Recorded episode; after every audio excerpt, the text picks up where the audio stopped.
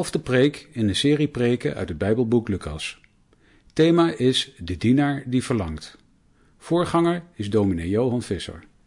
Opgenomen in de Noorderkerk Amsterdam op 24 maart 2019. Vanmorgen gaan we verder op reis in Jeruzalem met de Heer Jezus, zoals jullie weten. Jullie horen straks het verhaal en nu horen we het ook samen en Liska die gaat het uh, met ons lezen. En nadat we dit hebben gelezen, Lucas 22, vers 14 tot 34, zingen we over de dienaar die Jezus is met uh, lied 144 uit Weerklank. Hij kwam bij ons heel gewoon. Dus na de lezing lied 144 uit Weerklank, de versen 1 en 2. Um, we lezen vandaag uit Lucas 22, vers 14 tot 34. Het heilige avondmaal. En toen het uur gekomen was, ging hij aan tafel aanliggen en de twaalf apostelen met hem. En hij zei tegen hen, ik heb er vurig naar verlangd dit paasgaan met u te eten, voordat ik ga lijden. Want ik zeg u dat ik daar zeker niet meer van zal eten, totdat het vervuld is in het koninkrijk van God.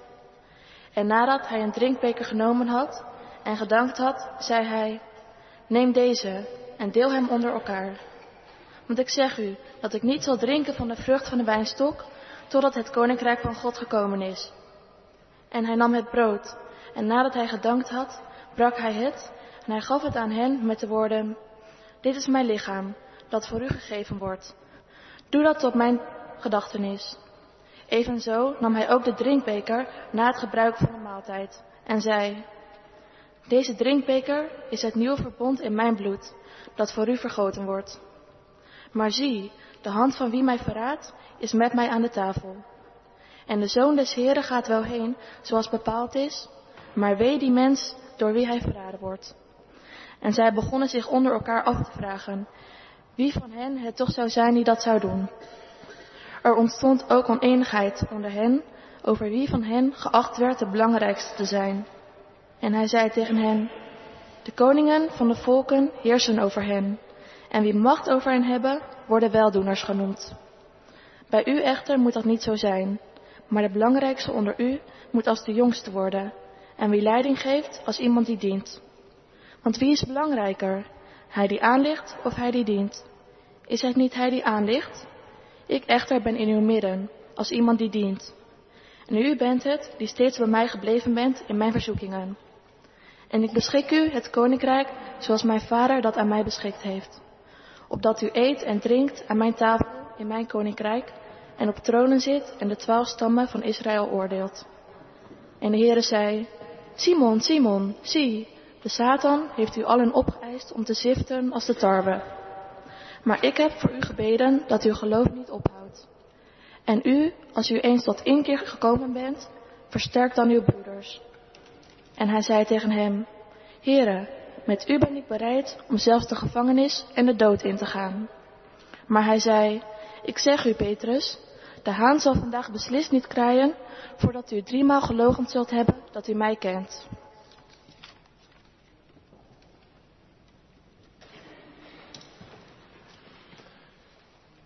Gemeente van Jezus Christus. Wie heeft deze week iets van Jezus gezien?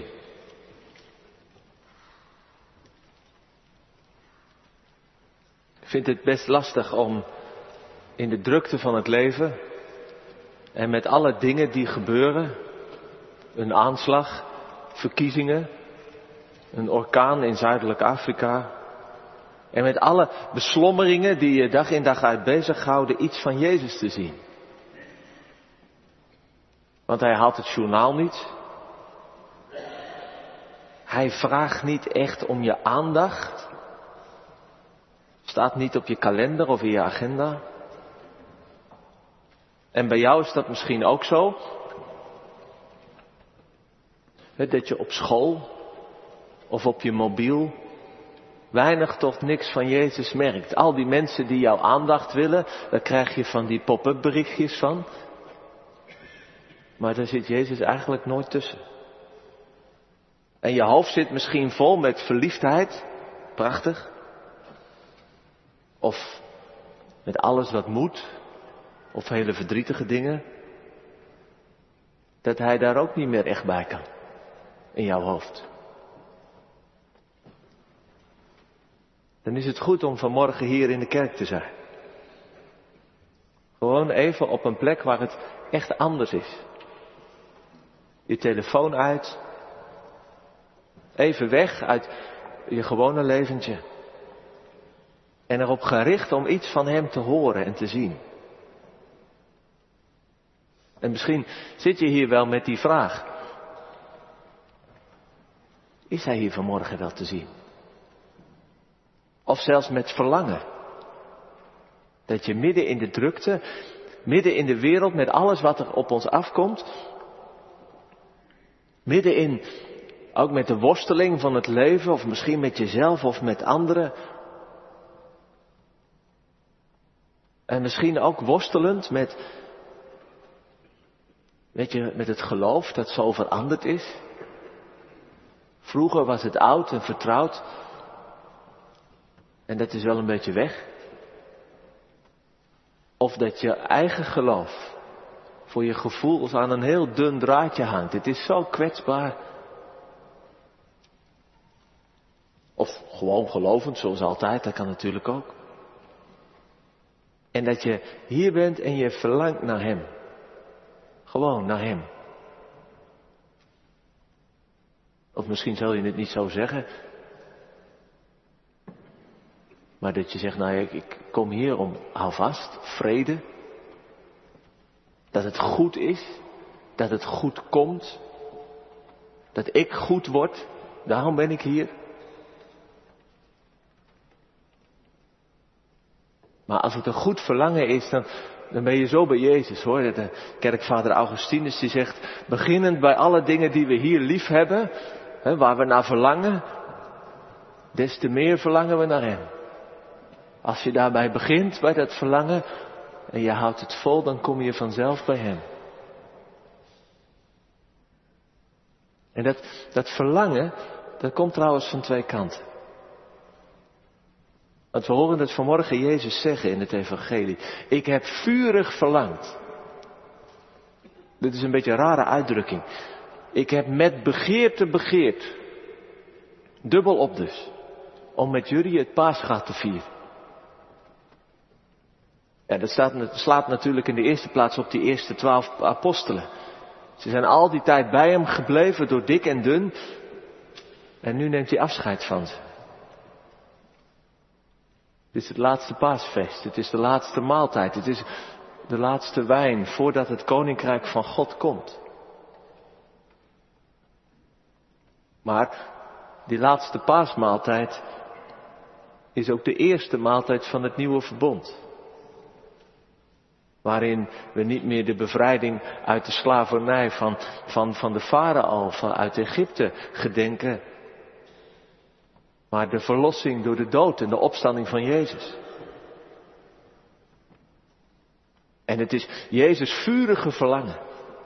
Om voordat dat koninkrijk van God komt en die grote maaltijd voor alle volken zal worden gereed gemaakt, voor die tijd met zijn volgelingen die maaltijd te blijven vieren.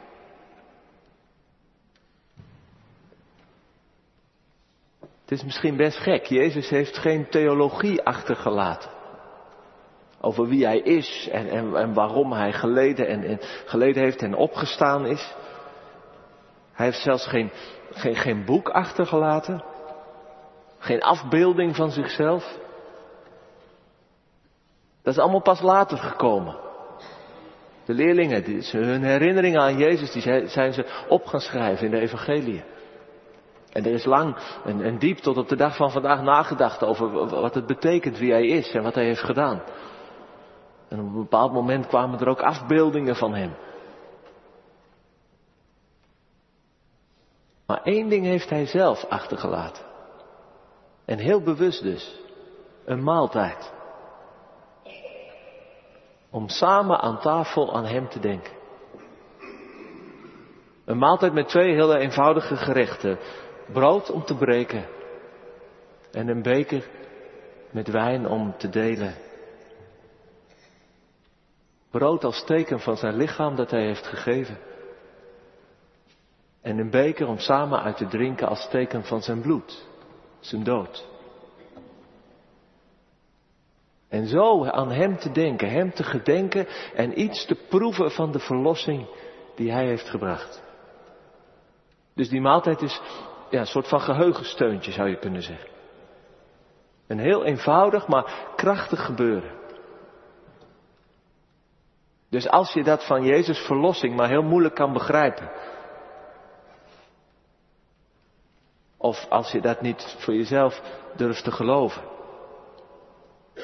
Als je er zo weinig van ziet of van maakt. Van die verlossing van Jezus. Dan is er die maaltijd. En die moeten we vieren. Gehoorzaam aan Jezus, telkens weer.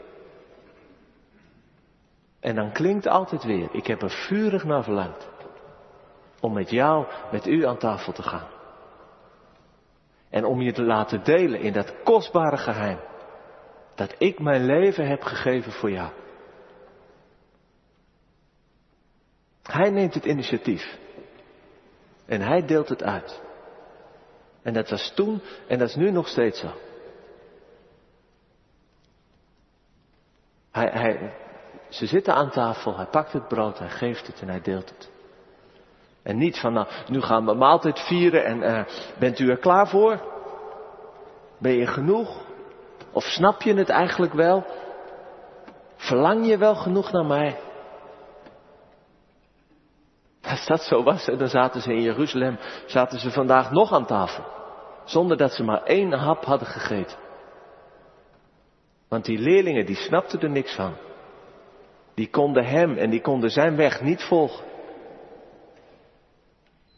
Die waren er totaal niet klaar voor. Maar uiteindelijk telt dat niet. Hij verlangt ernaar. En dat is het eerste en het laatste. En, en hoor dat dan ook vandaag, lieve mensen. Hij verlangt ernaar om volgende week te delen en te geven. En om zo weer in ons leven te verschijnen. Op die manier, met dat teken wil hij onder ons zijn. Al merken we er niks van, al staat zijn naam never nooit in de krant en verschijnt hij niet op je smartphone. Hier is hij morgen, volgende week. Met verlangen. En het zou dan toch mooi zijn als het wederzijds zou zijn. dat, dat ik, dat jij, dat u, dat wij er ook naar verlangen. En misschien is dat wel goed om deze week je verlangen naar Jezus te voeden. En ik begrijp, dat klinkt misschien best een beetje, zweverig. Je verlangen naar Jezus voeden. Maar ja, we verlangen toch zoveel. En waarom zouden we dan niet verlangen naar het hoogste, het beste, het echtste wat er is? Onze liefde, die gaat toch naar zoveel uit. En, en waarom zouden we dan niet een beetje verliefd worden op Jezus? Nou, hoe doe je dat? Hoe voed je je verlangen naar Hem? Ik denk nu aan twee manieren. In de eerste plaats vanuit je nood. Dus dat je er stil bij staat dat je Hem nodig hebt. Dat je vrede nodig hebt die je niet bij jezelf vindt. Dat je vergeving nodig hebt. Van alles waarin je hebt gefaald en waar je soms dagelijks weer tegenaan loopt. Dat je houvast nodig hebt in alles wat er beweegt en chaotisch kan zijn. Dat je liefde nodig hebt. Omdat je zonder dat je werkelijk bemind wordt, dat je niks bent en ook niks kunt doen. Dus dat je vanuit die nood naar Hem gaat verlangen. Want Hij deelt het uit, dat belooft. En de tweede is, denk ik, dat je, dat je iets ziet of iets zoekt van de schoonheid van God. Van hoe mooi, hoe goed, hoe sterk deze liefde is. Dat je gewoon maar een, stukje uit het Leidersevangelie deze week is leest. En dat je tot je door laat dringen van, hoe goed is dat? En wat, dat je daarna kunt verlangen, dat dat, dat dat in je leven komt. En dat, hij, en dat je er nou ja, een beetje verliefd op wordt. Hoe goed, hoe mooi Christus is. En, en verlangen, laten we daar duidelijk over zijn. Verlangen is nodig in je leven. En ook in je geloof. Want als je verlangt, dan komt er iets in beweging. Als je verlangt naar Hem, dan verlang je jezelf volgende week zondag gewoon uit bed. Ook al was het zaterdagavond heel erg laat op het feestje. En ook al is er nog zoveel te doen, dat verlangen naar Hem is sterker. En als je verlangt, dan verlang je jezelf ook voorbij al je angsten en, en aarzelingen. En dan verlang je misschien deze week ook naar een ander met wie je nog dingen moet oplossen. Omdat je weet dat moet eerst worden opgelost voordat ik zal komen. En dan, dan verlang je jezelf ook door al die hele grote gewichtige loopgraven die je hebt gegraven om jezelf. Zodat je maar lekker kan blijven zitten waar je zit. En niet hoeft te komen. En, en als je jong bent, dan denk je, ja, dat is allemaal wel mooi, dan gaat het over het avondmaal, maar volgende week ben ik er wel, maar uh, kan het toch niet meevieren? Nou, dan kun je nog wel gaan verlangen. Echt waar. Moet je misschien van de week eens over nadenken. Waar verlang je echt naar? Waar gaat je hart sneller van kloppen? Nou, misschien dat ene of die ene. Duizend dingen misschien. Maar dan wil ik je vragen, bedenk dan deze week eens dat Jezus nog veel meer naar jou verlangt. Dan waar jij allemaal naar verlangt. En dat verlangen voor jou is oké, althans niet altijd, maar eh, je kunt ook hele goede verlangens hebben, geen probleem. Maar besef dan dat Hij meer naar jou verlangt dan al jouw verlangens bij elkaar.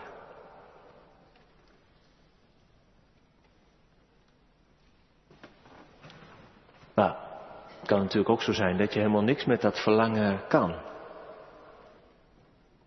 Want aan tafel zit ook Judas, hebben we gelezen. En Judas die heeft ervoor gekozen om Jezus te verraden. Om hem weg te krijgen. Hij ergert zich blijkbaar. Hij wil niks meer met Jezus. En aan de ene kant kan ik me daar niks bij voorstellen. Waarom zou je Jezus weg willen hebben? Wat hou je dan nog over in deze wereld? Maar aan de andere kant. Want als Jezus over dat verraad begint, dan, dan begint er zomaar spontane gesprek tussen zijn leerlingen. Blijkbaar kunnen zij er wel zich iets bij voorstellen. Ben ik het of, of, of ben jij het? Of... Ja, dat is ook zo. Je kunt je ook ergeren aan dat kruis. Je kunt je ook niks hebben met die, die liefde van Jezus. Ik moest denken aan de film, de Belgische film Le Tout Nouveau Testament. Een, het Fonkelnieuwe Testament. Dat is een film waarin op het randje, maar wel haarscherp, de vraag aan de orde komt: wie is God nu eigenlijk? En in een scène in een kerk wijst iemand dan op het beeld van, van de gekruisigde zoon van God, die daar ja, aan zo'n zo'n katholiek beeld hangt. En dan, dan, zegt, dan zegt en reageert iemand en die zegt, wat heeft hij nu bereikt?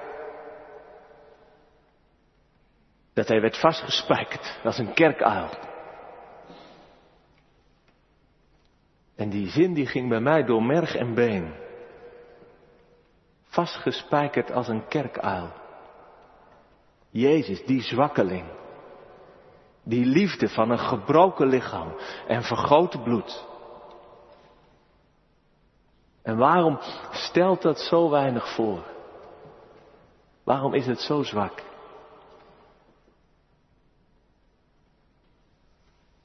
Dat je je eraan ergert. Of soms ook dat je gewoon niks bij Jezus wil, omdat je beseft, heel goed beseft dat die liefde van Hem, die zo ver gaat en zo diep gaat, dat die liefde natuurlijk ook wel eng is. Want als Hij zo naar je verlangt, als Hij zich zo geeft, ja, dan moet jij natuurlijk ook komen. Ja, en je verlangen kan ook nog door, door egoïstische verlangens de kop in worden gedrukt. Dat zien we ook op die, aan die paalsmaaltijd. Het, het gesprek over het verraad is zomaar overgegaan in een discussie over wie van die twaalf de belangrijkste is. Al te menselijk. Ja, Jezus gaat weg. Ja, wie is nu, wie is nummer één, wie is twee? Wie heeft de duurste? Wie is de mooiste? Wie is de beste? Wie zet de snelste stappen omhoog in de carrière? Ben ik beter dan mijn buurvrouw? Waarom heeft de ander wel en ik niet? Ja, je moet wel het VWO halen hoor. De red race des levens. De menselijke competitie aan de tafel van de bevrijding. En we voelen aan, het slaat nergens op. En het dooft ook alle verlangen naar Jezus. En daarom grijpt Jezus in. Vriendelijk maar beslist. Kijk, zegt hij. Normaal zijn de koningen heersers. En de machtigen die laten zich weldoeners noemen. Jullie, arme lieden, en de anderen de grote, en die doen jullie wel. Maar onder jullie moet het niet zo zijn.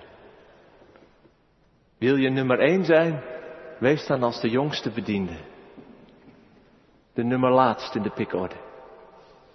Ga niet zoeken naar status. En als je de leiding wilt nemen, wat het oké is, wees dan een dienaar.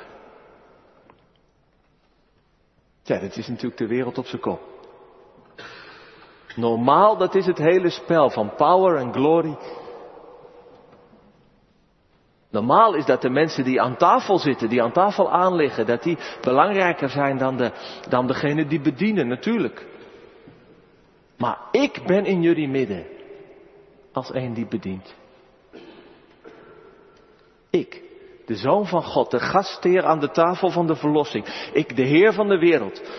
Ik ben in jullie midden als eentje die dient. Als een slaaf. Als die dienaar van de Heere die geen gestalte of glorie had. Die verachte uberloser onder de mensen, zoals de profeet Jezaja hem in een visioen zag. Die zoon van God, die weliswaar aan God gelijk was, maar die zich uitkleedde en die afstand deed van alle goddelijke glorie, om gehoorzaam te worden tot, in de, tot aan de slavendood aan het kruis. Zoals Paulus dat later zal schrijven. Zo is hij in ons midden. Als de dienaar.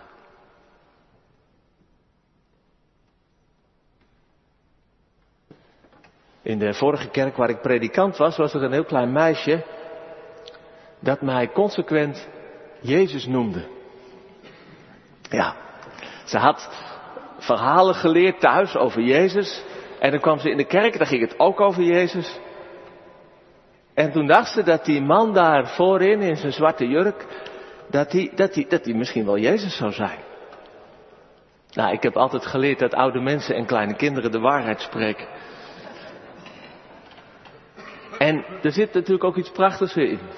Hier doe ik het ook voor. Nou, niet van dat kindje, maar dat is toch prachtig.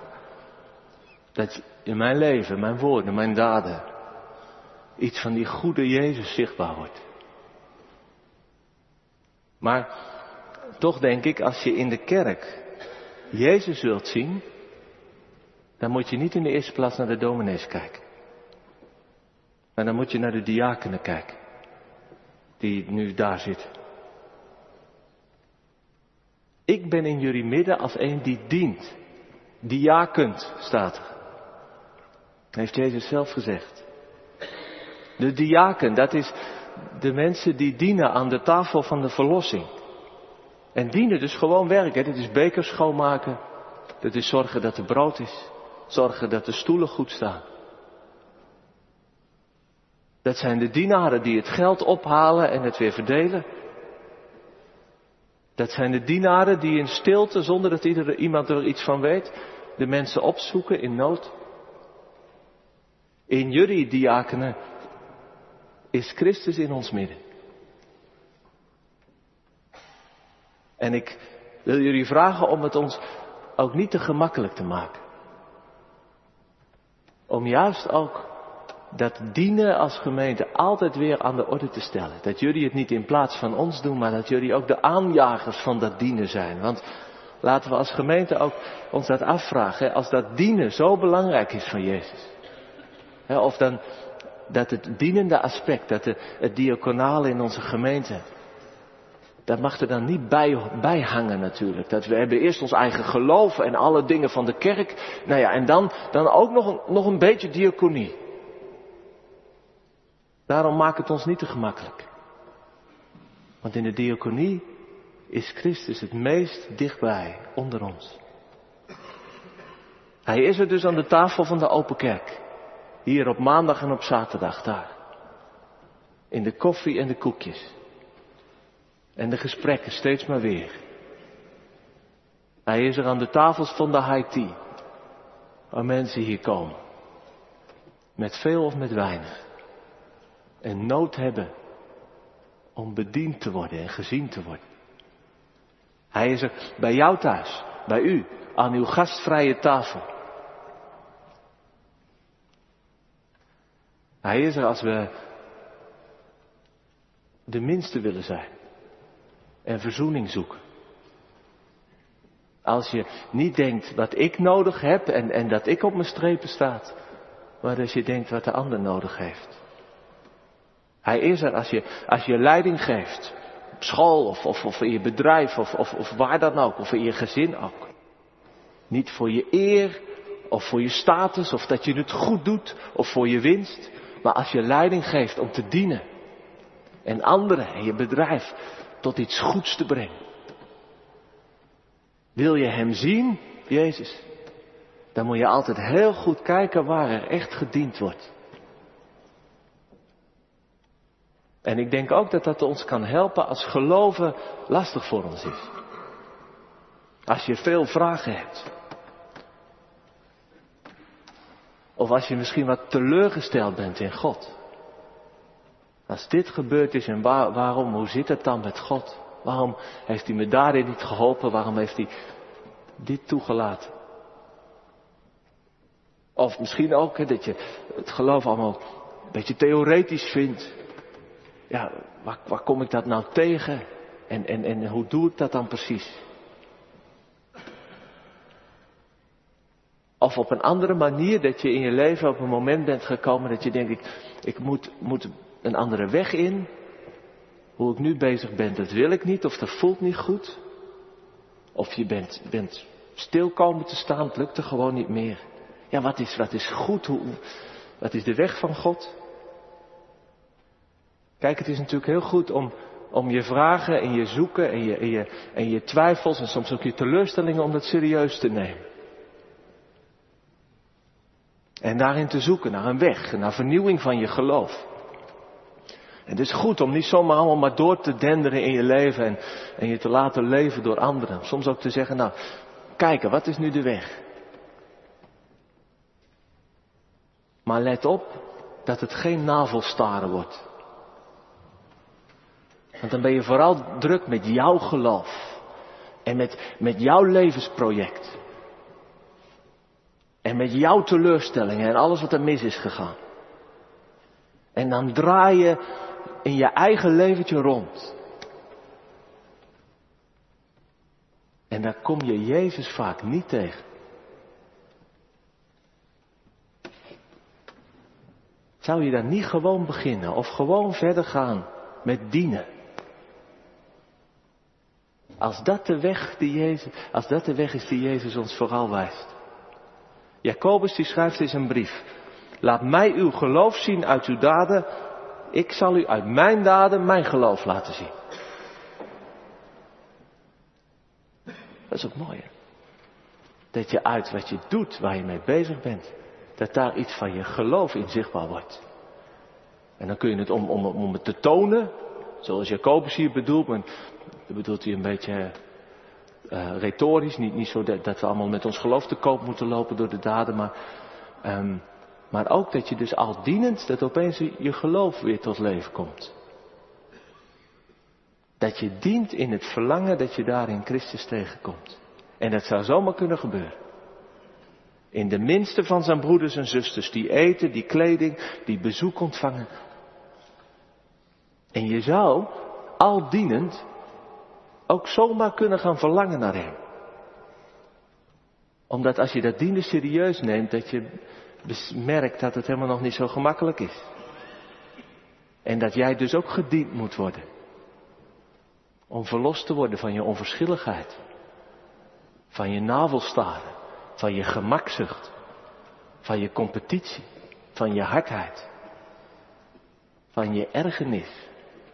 Over die dienaar die altijd het maar over dienen heeft. Ja, zo is Hij in ons midden. Als degene die dient en die naar ons verlangt. En laten we dat vasthouden. Zo verschijnt Hij dus ook in ons midden.